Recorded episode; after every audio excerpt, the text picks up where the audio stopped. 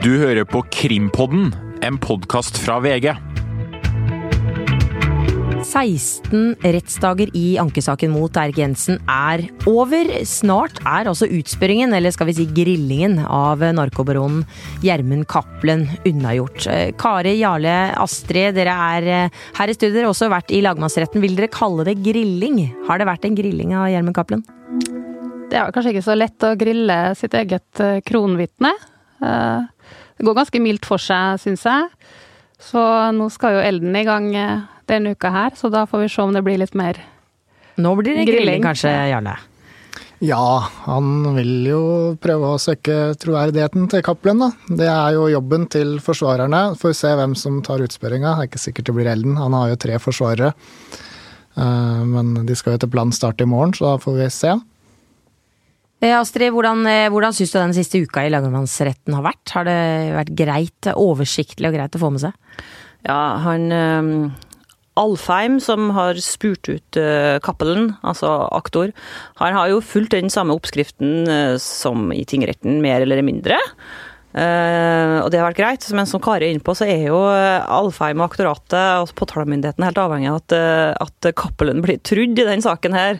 Så det er litt sånn medhårsstryking, sant. Altså, den, ikke, den er ikke opptatt av å avdekke noe Eh, store feil og løgner i hans eh, i Cappelen sin forklaring. Så det tror jeg har vært en eh, litt annerledes opplevelse for Cappelen og Alfheim, som har møttes etter hvert kjempemange ganger i rettssystemet. Og jeg tror det var annerledes den gangen det var i oppbevaringssaken, da, der nettverket til Cappelen ble dømt. Da var de jo ute til å få dømt dem for narko, rett og slett, og da var det kanskje litt hardere tak.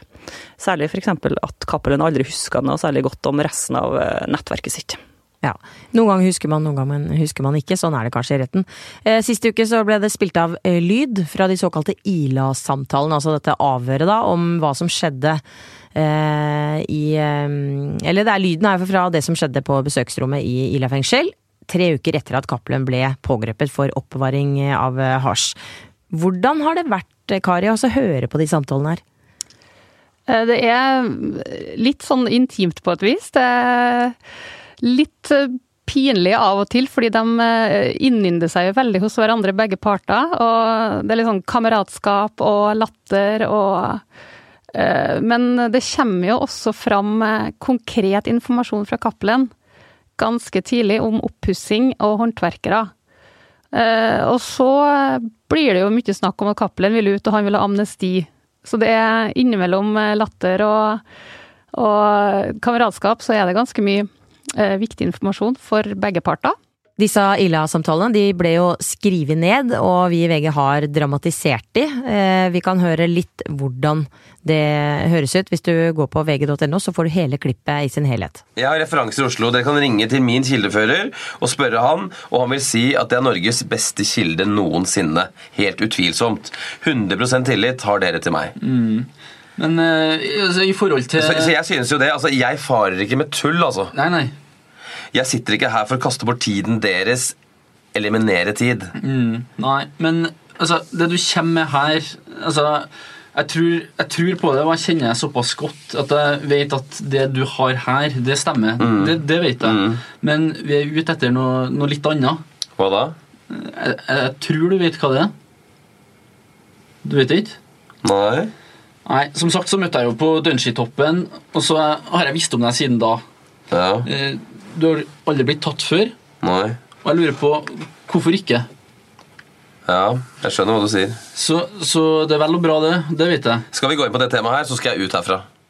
Ja, skal jeg inn på det temaet her, så skal jeg ut herfra her. Sånn høres det ut, og sånn hørtes det ut i, i rettssalen med, med, de rette personene stemmer, da, ikke VG-journalister som har eh, dramatisert det. Men hvordan hva, sier, hva, hva tenker dere når dere hører dette her?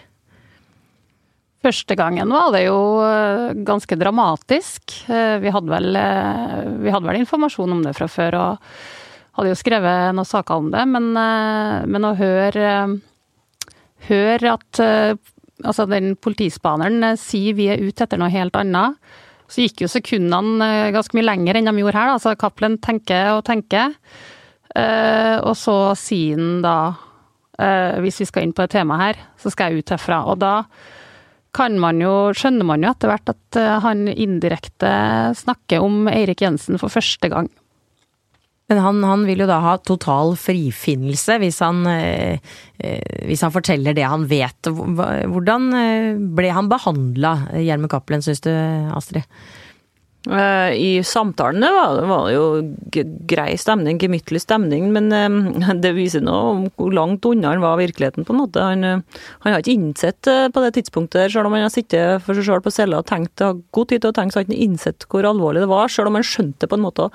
Han trodde at han skulle få tilbake bilen sin, beslaget sitt av hasj. Han trodde at han skulle få ut, at resten av familien skulle få null problemer, og at det her ikke skulle bli kjent for offentligheten. Alt det der var jo helt feil. Vi sitter her i dag og vet, kjenner hele historien, og han sitter i fengsel, og han har fått en dom som minst altså, Som helt sikkert blir på ja, som var på 15 år i tingretten, vel. Men eh, som kan bli mindre. Men altså, altså, han sitter inne i mange år framover, så det ble ikke sånn som han så for seg. Så er jo spørsmålet om han fikk nok, da. ikke sant? Han fikk, eh, fikk jo litt strafferabatt. Eh, Eirik Jensen fikk jo 21 år i tingretten. Men Cappelen ville jo enda mer. Han mener det her var så stort. Så når jeg sitter og hører på, så skjønner jeg jo godt at eh, forsvareren til Jensen vil spille av det her i retten, for eh, her skryter han jo på seg å ha vært nærmest sånn politimann. Han har jo oppløst saker i hele verden omtrent, hele Europa i hvert fall. Ja, bare ring min politikildefører. politi... Ikke sant? Det her er ikke noe ja. snakk om hasjsmugling. Her er han vært informant og tyster, altså. Og Det ville han jo heller ikke skulle komme fram. Det satt jo langt inn i, før saken kom opp at det helt tatt var snakk om det. Det verste en kunne tenke seg at kom ut i norsk offentlighet, at han var en stor tyster. Men ja, vi er ute etter noe helt annet, sier, sier politiet. Hvordan, hvordan, er det, tror du, Jarle, for, for, politiet å høre seg selv sitte og fiske etter dette her? Nei, det, det, tror jeg går bra. Det er jo sånn de jobber når de jobber med etterretning, er jo å prøve å få folk som egentlig ikke vil snakke med politiet, og få de i tale, få ut opplysninger. Eh, og da må det jo være litt kamerat og være litt uh, hyggelig å spille litt på deres lag og få den du snakker med til å synes at, du, at det er interessant å snakke med deg, da. Men det er jo det er litt interessant som Astrid er inne på, er jo det. For Ila-samtalene så skryter jo Cappelen veldig av hvor mye han har vært informant og hva han har løst. Mens han nå i retten eh, sier at dette er hovedsakelig ting som ligger veldig mange år tilbake. Og han sa jo nå eh, for ikke så veldig lenge siden nå at eh, det ikke var sånn at han hadde reist land og strand rundt på Oslo-politiets regning. Han var ikke noen sponsor av Oslo-politiet.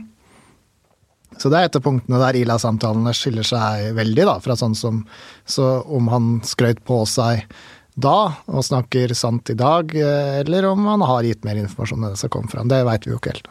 Ja, for, og, og det, det, klippet vi hørte nå, var fra et tidspunkt hvor han, han visste jo ikke om, om, om denne tyste saken og alt dette her eh, kom på bordet. Dette dreide seg jo på det tidspunktet trodde han om at han var en kilde, og ja, jeg skal gi informasjon, eh, hva dere ber om. Eh, og så kommer vi på et tidspunkt der ja, men det er ikke det vi spør om. Hva er det som foregår oppi Cappelens hode da?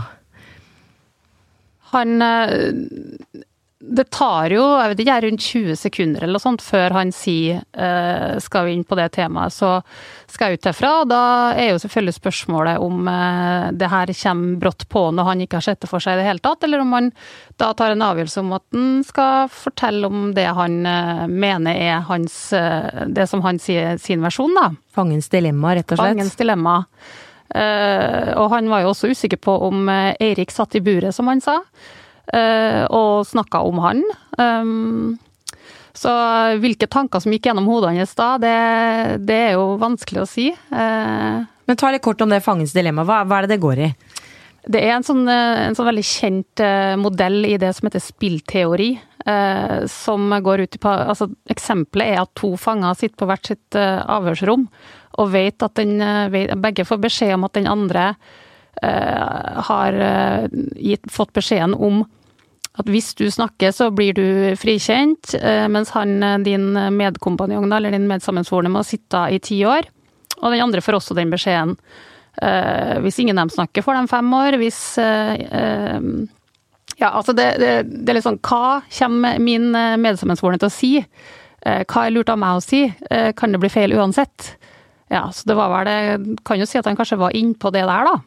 Tror, tror Cappelen på dette tidspunktet at Erik Jensen er tatt?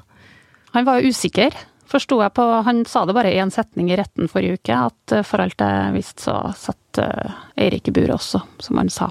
Det han visste, var jo at uh, sønnen hans har blitt varetektsfengsla. Samboeren har blitt varetektsfengsla. Han var i en desperat situasjon, han har jo fortalt om det i retten òg. Ungene var i barnevernets varetekt, naturligvis, siden foreldrene var borte. og han var jo ikke akkurat uh, La seg ikke ned i fosterstilling, det snakka han vel om òg. Han var jo aktiv, tenkende, søkende for å finne en løsning. Og han tenkte jo at han skulle faktisk finne en løsning, det er jo litt utrolig. Uh, at han trodde han skulle få ut. Men uh, det sier vel noe om hvor stor sak han mente han satt på, da, hvis det stemmer, alt det her han påstår. Altså at han, Det er klart det er en enorm sak hvis det, det stemmer at han har en politimann på innsida av sitt nettverk i 20 år. Uh, han tenkte vel at den informasjonen var verdt ganske mye. Han, uh, han skjønte jo det at, uh, at han der ene politietterforskeren tema møtte han på Dønski, sånn det var sikkert det var jo på 90-tallet en gang, det da. At de hadde tenkt på det lenge, at grunnen til at ikke var tatt, var at Cappelen måtte ha hjelp på innsida av politiet. Så jeg skjønner at det her, jeg regner med at etter den første samtalen her, så gikk han på cella, og tankevirksomheten må ha vært intens. Eh, hva skulle han si, og hva skulle han gjøre? Det gikk jo faktisk åtte dager mellom de to første samtalene. Mm. Ja, da får han tenkt en del. Hva er det som gjør, hva er det disse spanerne sier som gjør at han tror at han skal få full frifinnelse? De sier jo ikke noe i det hele tatt, eh, men han er jo på, på forhandlingssporet her. ikke sant? Han vil jo sikre seg leverage, han vil ha størst mulig Han vil ha mest mulig for oss å snakke. Og de er etterforskerne eller etterretningspolitifolka de sier jo ikke så mye mer enn ja-ha og sånn, og så sier de at det, eh, at eh, det kommer vel inn på at, at det her, altså den skal ut og sånn, og det avviser de jo at det er mulig, for de sier jo hele tida i det klippet vi hører her, at saken din går videre, saken din går videre. Eh, men hva Cappelen forsto av det, er vanskelig å tolke ut fra meldinga. Det kan jo tyde på at han trodde at det var mulig å komme ut ganske fort og slippe unna hele saken, nesten bare hvis han snakka om det her. Det var jo litt virkelighetsfjernt. Ja, helt på slutten så sier han jo at han, eh, han var blitt så tørr i huden og sånn, han trengte litt krem og deodorant. Eh, ja, i tilfelle han ble sittende, da. Så eh, Og da hadde han jo helt i starten av samtalen da hadde han jo snakka om amnesti. At han skulle ha det. Altså full, full frifinnelse, og det sporenstreks helst, da. Men så kommer jo de politispanerne inn på Riksadvokaten og det eh, der går de jo Kan jo si kanskje at de går relativt eh, langt med å si at eh, Hva sier de der? Riksadvokaten kan ikke ta ordet amnesti i sin munn, men han skal strekke seg så langt som mulig når det kommer til strafferabatt, tror jeg de sa. Og det går ikke an å få det mer tydelig enn det, sier de da. Og det der ble, blir vel et tema, tenker jeg, under Eldens utspørring, og sikkert også når Elden spør ut han spaner når han skal i retten. Mm. For han skal vel også vitne den gangen her. Ja, for poenget til forsvareren til Jensen er jo liksom å få fram at at eh, de to etterretningspolitimennene de la ord i munnen på han, eller lovte han for mye, da. Eh, så det er en tolkningssak, eh, egentlig, hvordan det her ble oppfatta, hvordan, hvordan, de sa det da. Nå har jeg jo ikke fått hørt det, da. Men, eh, men, altså, det er ikke noe sånn konkret lovnad noen plass som sier at du skal, hvis du snakker, så skal du få ditt og datt. Det er det overhodet ikke, men det er vel heller kanskje at Forsvaret vil prøve å vise at de ikke avviser bryskt Cappelens uh, salgspitch, muligens, da. Mm. Ja, vi får jo vi hører om forhandlinger, og vi får jo høre og, og, og Jensens forklare, forsvarer har jo sagt at han ville jo Cappelen ville gjort alt. Han ville til og med nesten solgt bestemora si eh, for, å, for, å, komme ut av det. Hvordan, hvordan syns du han eh, i samtalene der, i Ila-samtalene, hvordan syns du Cappelen på en måte, eh, Astrid, eh, klarte å komme seg litt ut av dette her, og snakke seg ut av dette her? Det er samtaler som gjør inntrykk på meg, altså, for det er så, lang, så kort mellom håpet og desperasjon, på en måte. Ja, ja, jeg skal klare det hvis jeg bare altså, Og det her er så ekte, for det her er opptak som ikke han visste engang ble uh, teipa av Cappelen.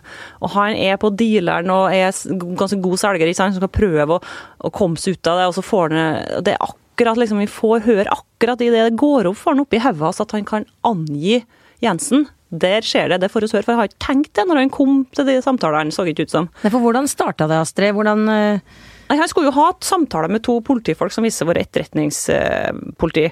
Eh, Og han skjønte ikke hva de ville i begynnelsen. Han trodde at de ville ha informasjon om informantvirksomheten hans, som kunne gi dem hva som helst, han, hvis det var det. Det- Han hadde laga liste til meg inne på, på cella der, og, og, plan, og så skjønte han etter hvert i samtalen at de var ikke interessert i det hele tatt. De var e- ute etter en politimann som de ikke ville si navnet på, en som var årsaken til at uh, han har kommet så langt i verden med hasjsmuglinga si i 20 år, ikke sant, uten å bli tatt. Og så går det opp for han, og så begynner han, og så vil han si navnet hans en han sier bare ja, det er en politimann, og så begynner han å deale og wheele, og så kommer fornavnet, og så kommer etternavnet. Ikke sant? Altså, det er helt uh, utrolig å tenke på, egentlig, eller høre på, egentlig. Men Kari, du rett, du sitter jo rett ved siden av dem. Hvordan, hvordan er det Jensen reagerer når han sitter og hører på dette her? Nei, det var vel ikke så mye reaksjoner fra noen av dem egentlig når det her ble avspilt. De har jo hørt det før begge to, eh, så det er vel ingen overraskelse om eh, hva som kommer. Jeg tenker på Eh, det, sitte og høre på at Hjelme Cappelen sier ja, eh, det svinet må aldri ut, ikke sant. Han kommer til å drepe meg hvis jeg kommer ut, og da sitter Jensen da rett ved siden av og hører på dette her. Ja, det er mulig det var noe hoderisting, da, altså, men, eh, men samtidig det er jo ikke noe sjokk for han at det her kommer. Han, eh, han har jo hørt om det her, og, og Cappelen sa vel også dagen etter at eh, det var noen personkarakteristikker han kanskje kunne tenkt seg vært foruten, da, som hadde kommet. Eh, Men det er jo en av de store setningene i den saken her, er jo 'vi er ute etter noe annet'. Og så tenker Cappelen seg om, jeg vet ikke, i 20 sekunder eller noe sånt, og så sier han hvis vi skal inn på det temaet der, så skal jeg ut herfra. Da begynner han å forhandle. Så det blir ikke sagt noe om eh, hva de er ute etter, hvem de er ute etter. De blir si noe helt annet etter å ha snakka om at eh, vi lurer på hvorfor du ikke har blitt tatt før. Eh, og så begynner han å snakke om ja, Han sier litt om medvirkning og masse paragrafer og motarbeidet sin egen stilling, men først i samtale nummer to så kommer navnet fram, og hvor han jobber. Mm. Og kanskje skulle dette framfor fram lukka rett, hva vet jeg, men nå gikk det jo for åpen rett, det var mulig å høre på det. Jarle, hvordan er det for politiet at deres avhør, eh, både teknikker og hvordan avhøret ble lagt fram, eh, kommer fram og blir spilt av retten? Jeg tror ikke det er så stort problem. Eh, Det er noen sekvenser på det Ila-samtalene som ikke er spilt av retten, som handler om eh, ja, både private ting og der det er litt snakk om informantvirksomhet. eh, Som der, der de tar ned lyden i retten, mens aktørene har da en utskrift de følger med på, mens ikke vi hører. Um, men jeg tror det, det er jo først og fremst de delene Spesialenheten har vært bekymra for. Um, selve samtalene tror jeg ikke eh, gjør noe å komme fram. Dette er jo helt vanlige samtaler som de som driver med etterretning i politiet har. Uh, kan ligne litt hvordan journalister uh, jobber. De fleste journalister har prøvd å få noen til å stille opp som egentlig ikke har lyst, av forskjellige grunner.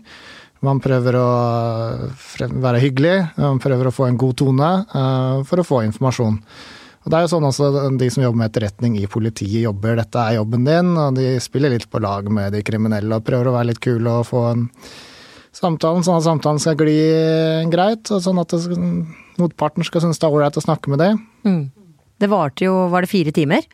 Ja, veldig lenge. Det som har vært litt diskusjon rundt her, spesielt dommerne er opptatt av, at er jo det at um, ja, Dommerne her i lagmannsretten sa vel at du var ikke i tvil om at dette var innenfor eh, rettslige delen, den juridiske delen, så er dette snakk om forklaringer, da. Da har du en del rettigheter som blant annet at du du skal bli lest opp rettigheter, og du skal kunne ha advokat til stede og sånn. Eh, Dette blei jo ikke gjort. Politiet kaller dette en dialogsamtale, ikke et Ja. avhør. Um, Men eh, ja, som dommeren sa, mente jo at dette var et avhør, da. Men det sånn som saken er, så er det ingen som har protestert. Verken både forsvarerne og ja, forsvarerne på begge sider. Og aktoratet ønsker at denne samtalen skal bli lagt frem, så det er ingen som har noe imot det. Er det uheldig for noen av partene at det blir spilt av sånn lydbånd i retten? Jeg syns jo tydeligvis ikke det, da, siden begge alle vil ha det fram. Um, De vil vel ha fram litt forskjellige ting, da. Altså Forsvareren til Jens, eh, Kapp, eh, Jensen, unnskyld, Elden og gjengen. De vil jo ha fram Poenget deres er jo å prøve å få fram at det, her blir Cappelen lurt inn til å si noe mer enn han egentlig hadde tenkt. og disse linjer. Og så vil jo eh, motparten ha fram at her pekte Cappelen på en hel masse konkret informasjon som senere har vist seg å bli å stemme. Altså om badeoppussing og alt mulig rart. Som etterforskninga viste at det var riktig. Så begge to har interesse av å få eh, forklaringa avspilt, da. Mm. Eh, ble dette også, dette regner med ble spilt av i den eh, første eh, rettssaken. Hvordan var det da? For da var det mer sånn første gang det ble lagt fram dette her. Var det noe annerledes når du snakker om reaksjoner, hvordan de så på dette, hvordan de brukte eh, lydbåndet? Jeg tenkte på det at, at, her sitter oss i dag med liksom fasiten, og det de snakka om på det, den teipen, var jo at eh, Cappelen hadde krav om at han aldri skulle møte Jensen i retten, og der satt han rett ved siden av. Skulle aldri snakke om ditt og datt og skulle aldri få familien inn, og aldri liksom Alt det der, det ble jo realitet, og til og med ble det åpen rett, som ikke engang Spesialenheten ville ha. De ville ha lukka rett. Men hele Norge fikk altså altså, høre det på et vis. Cappelen ville jo også at uh, dommen Altså, han mente at den ikke skulle være offentlig, og at han ikke kom til å komme i avisene, og ja, det her skulle foregå i det stille og det rolige. Men det veit vi nå, med fasiten i hånda, at dette er den kanskje mest omtalte saken. De var innom badet. Eh, du var innom det så vidt, Astrid, men også nå i den siste uka, så på fredagen, så ble det snakk om dette badet, oppussingen av badet. Hvor uheldig er det for Jensen at eh, de kommer inn på det badet? Eh, ja, det ville jeg ha unngått hvis det var han, i hvert fall. For det er vel et av de verste punktene i dommen i tingretten. Får jo se hvordan han kommer til å, å, behandle den gangen her. Han har jo vært inne på det i sin frie forklaring allerede. Men altså, her trodde dommeren i tingretten at det var ment at det var bevist utenfor enhver rimelig tvil at det, det badet var finansiert, betalt av Cappelen, at han har bidratt til å pusse det opp. og så Eh, nekta jo Jensen på det i starten, men så fant de jo både fingeravtrykka til Cappelen på kvitteringa som, eh, som, Jensen mottok, og under, eh, en forfalska underskrift som Cappelen antageligvis har skrevet. da.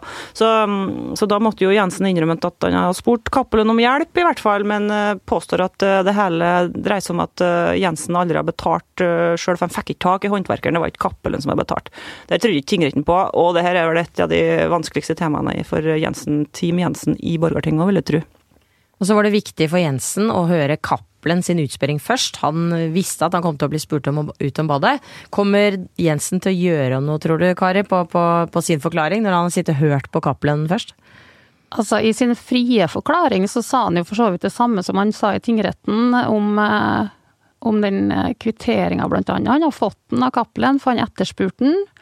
Eh, han var vel også innom det at han ikke hadde betalt håndverkeren de 120 000 kronene for han ikke fikk tak i den, fordi håndverkeren, altså det oppsto en konflikt fordi Jensen og samboeren ikke var fornøyd med flislegginga. Og da ble håndverkeren, tror Jensen, da sint og forsvant, og derfor fikk han aldri betalt den i 120 000. Men han skal jo spørres ut om det her av Spesialenheten. Det gikk jo ganske hardt for seg i fjor. Eh, så vet jeg jo ikke om, eh, om han har noe nytt, da. Det fikk, fikk vi noe hint om det under hans frie forklaring, Astrid? Nei, jeg var som, som, eh, som dere var inne på, bare innom det et par setninger. Men det er klart, han må jo innom det òg, siden det var Jeg vil tro at uh, hvis uh, dommerne og juryen i, i Borgerting opprettholder ser likt på badet som tingretten, så er det nok til å få dømt, Jensen få dømt for korrupsjon. Jeg lurer jo på om han husker om Cappelen har vært på gården eh, nå, da? For det var jo viktig. De har jo dratt fram eh, tegninger av badet og av eh, boligen og ja, fugleperspektiv og alt mulig. Tegninger som var så dårlige at Cappelen har gjort narr av dem sjøl. Jensen, altså han mener jo at Cappelen mener jo at han har vært der en tre-fire gang. Jensen sier at han ikke husker om Cappelen har vært på gården hans. Hmm. Ja, det blir spennende om han husker det. og det uh, er vel denne uka her. Uh, han skal inn i en Jarle. Bare sånn veldig kort, hvordan er det denne uka her blir lagt opp i, i retten? I morgen så starter da Benedikt Vibe med utspørringa av, av, av, sin egen klient, Cappelen. Og så, etter det, så er det da Elden, kanskje etter lunsj i morgen. og så er det jo en runde som sikkert ikke tar så lang tid. Det er, det er sånn litt oppsamling. Kanskje dommerne har noen spørsmål, kanskje juryen har noen spørsmål. Uh, ofte så er ikke det veldig mange spørsmål. Ja, for juryen kan jo også stille spørsmål. Ja. Og så er det spørsmål om, uh, om da om kanskje vil sikkert Spesialenheten og Alfheim bli spurt eh, på nytt om de har noe mer eh, før de går videre. For dette er på en måte siste mulighet da, til å stille Cappelen spørsmål. Eh, Han kan komme tilbake hvis det oppstår spesielle situasjoner, og også kanskje avslutningsvis, helt avslutningsvis i saken. Men om de blir ferdige i morgen, litt usikker på. Eh, Jeg tenker kanskje at Ellen og de sa det, at det skulle ikke bruke så lang tid, men eh, jeg går ut fra at de har mange spørsmål.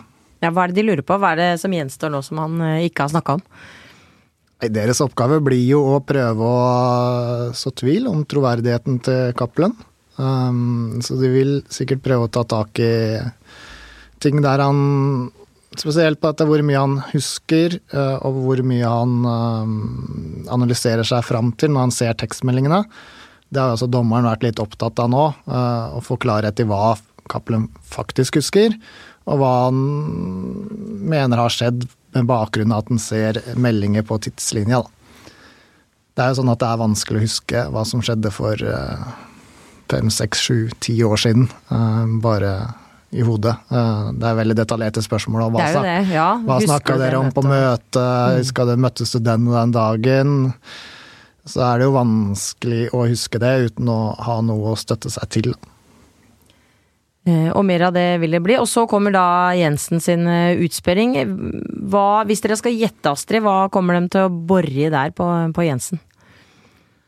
Ja, det jo Det blir jo, det blir jo en stor bolk. Det blir jo mange uker der alle aktørene skal spørre ut han.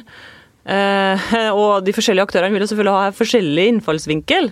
Eh, aktoratet, altså spesialenheten, vil vel snakke om klokkene som han eh, fikk av eh, Cappelen, om badet som Cappelen, uh, tingretten mente Cappelen eh, finansierte, og selvfølgelig om alle disse tekstmeldingene som Spesialenheten eller aktor mener handler om eh, narkovirksomhet, mens, eh, mens eh, den andre sida mener det handler om informantvirksomhet, mest av alt. da. Og så blir det nok eh, ganske mye om kontantinnskudd fra 2009 og Altså, du satte inn 5000 kroner da klokka 12, og så satte du inn 2500 klokka 14. eh, og så, hva kan du si om det her? Det har han jo ikke noen god forklaring på i tingretten, han Eirik Jensen Han forklarte rett og slett med en slags eh, Hva var han kalte det? En Tvangstanke. tvangstanke? Eller en, ja, og et security-opplegg var det vel å snakke om. Og der var jo aktoratet eh, opptatt av hvorfor ikke han ha det samme security-opplegget når han var i Sverige, for han var jo en del i Sverige, han har hytte der. Der satte ikke han inn eh, pengene på samme måte. Det blir spennende å høre om eh, de meldingene som, eller det vi har snakka om eh, de siste gangene her nå. Det, hva han mener med at det ligger mye velferd i SMS. Ja. Så det er det vel knytta litt spenning til, vil jeg si. 90 møtte, hva er det som er den verste tekstmeldinga forklarer for Jensen? Av 90 Av 100 møtte kun 90, er det jo en som har hatt en komplisert forklaring på. Den vil de jo selvfølgelig Ja, for det er, ja, det er jo der fire, er det fire av de 57 meldingene som trekkes fram som litt viktige. ikke sant? Av 100 påmeldte så møtte kun 90. Eh, og så var det den der med jeg måtte bruke av de flammesikrede plankene osv. Eh, eh, er også en annen, da. Det er 50 til 200 fra før og 100 fra ny. Eh, og så er det den siste med bil med 300 hestekrefter gikk på både bensin og diesel. Ikke, eh, ikke noe jeg tror Eller hva sier det? Ikke noe jeg tror vi må fikse opp i. Og det, og det med bensin og diesel er vel da Da mener man at det er snakk om både hasj og marihuana, da? At det er forskjellige typer stoffer, eller jeg vet ikke. Hva, hva er det, hva er det liksom disse fire meldingene går på? Siste meldinga dreier seg om en sak som egentlig ikke har noe med Cappelen å gjøre. Det er et beslag på Lørenskog uh, som politiet tar. Um, og der skjønner Cappelen når han svarer det, så dette er Cappelens forklaring, da, hva diesel og, og bensin betyr her. Eh, og det er at det er blandings... eh, bland, flere forskjellige typer narkotika, da. Noe Cappelen ikke holdt på med, så han forsto da at det ikke var hans eh, parti. Um, men det, ifølge Cappelen så sjekker jo det, Jensen dette opp da, for Cappelen, hva, hva det handler om det på Lørenskog. Og det er 50 til 200 fra før og 200 og 100 fra ny. Er det snakk om penger, eller? Cappelen mener jo det. Uh, Jensen vil jo da si at det ikke er det. Og hvordan han vil forklare det nå, vet vi jo ikke ennå. Um, han ville ikke forklare seg videre etter sin frie forklaring, ville vente. Så det, det får vi høre nå slutten av uka, kanskje. Det blir spennende. Flammesikrede planker, hva kan det dreie seg om? Uh, Det var noen plater, faktisk, ikke planker, som eh, som eh, han skulle ha Skulle informere Cappelen om fordi han holdt på å pusse opp en garasje. Men Ja. så var den garasjen Den var ikke kjøpt ennå av Jensen på det tidspunktet, fant de ut eh, i etterforskninga. Men da sa Jensen at det handla om oppussing av eh, klubbhuset til MC-gjengen ute på Nesodden som han var, var med i. Eh, Politiets MC-klubb, faktisk. eller noen- politiet ja. Ja, for lå på Grorud. Det er sånn masse politiansatte som hadde en MC-klubb. Ja, nettopp, ja. hovedsakelig politiansatte. ja, nettopp. ja. Cappelen stusser jo veldig over hvorfor eh, han skal vite noe som helst om eh, Jensens eh, flammesikre plater, eller mangel på sådanne, da. Ja, og akkurat det mener jo selvfølgelig at det her handler om 90 000 og 100 000. Altså at det mangler 10 000 eh, Altså at det mangler penger, da. Hvis jeg husker Fem, hva var det, 50 Ja. av 30? Jeg kan hende annet regnestykke. I hvert fall at det mangla penger. Mas om penger, da. Alt dette kommer vi jo tilbake til, og 16 rettsdager er bak oss. Ganske mange gjenstår. Vi skal jo holde på i fem måneder eh, eh, med denne saken her. Eh, Føler dere er vi der vi skal være etter 16 rettsdager?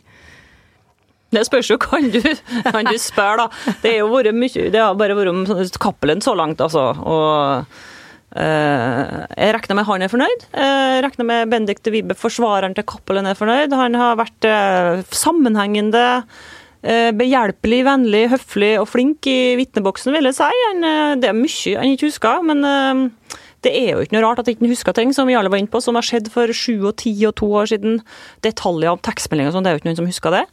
Eh, Men jeg, tror, jeg vil tro han er ganske godt fornøyd med, med det. Og så kommer jo den utspørringa nå som kan bli litt tøffere for han, da, for han har jo jugd på en hel masse ting, han Gjermund Cappelen. Det er det ingen tvil om. Og det kommer Elden og forsvarerteamet til Jensen til å begynne å bore i nå. ikke sant? Han, han begynte med en løgn eh, allerede når han ble tatt. Han sa jo at det ikke var dopet hans, at det ikke var pengene hans. Og så etter hvert så Det her var jo alltid hans modus, da. Hvis han fikk problemer, så jugde han. Eh, og så underdrev han selvsagt mengden, men etter hvert så la han jo alle korta på bordet når han skjønte hvor ille han eh, var ute i det. Han la korta på bordet når det gjelder hasjmengde og at han har smugla så mye og sånn. Men eh, Er han tatt i løgn etter det? Altså etter at han møtte rett? Nei, det tror jeg ikke, men han er i hvert fall eh, huska dårlig når det gjelder diverse ting. Og det er særlig når det gjelder eh, hasjleverandørene sine i utlandet, og det er nettverket hans. Han er redd for å Han sier det vel egentlig sjøl at han er redd for eh, represalier hvis han snakker for mye.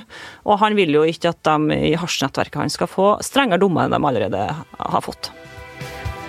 Det blir spennende å se. Som sagt, 16 dager er unnagjort. En hel haug av dager gjenstår. Vi gleder oss til en ny uke med, med ankesaken mot Erik Jensen.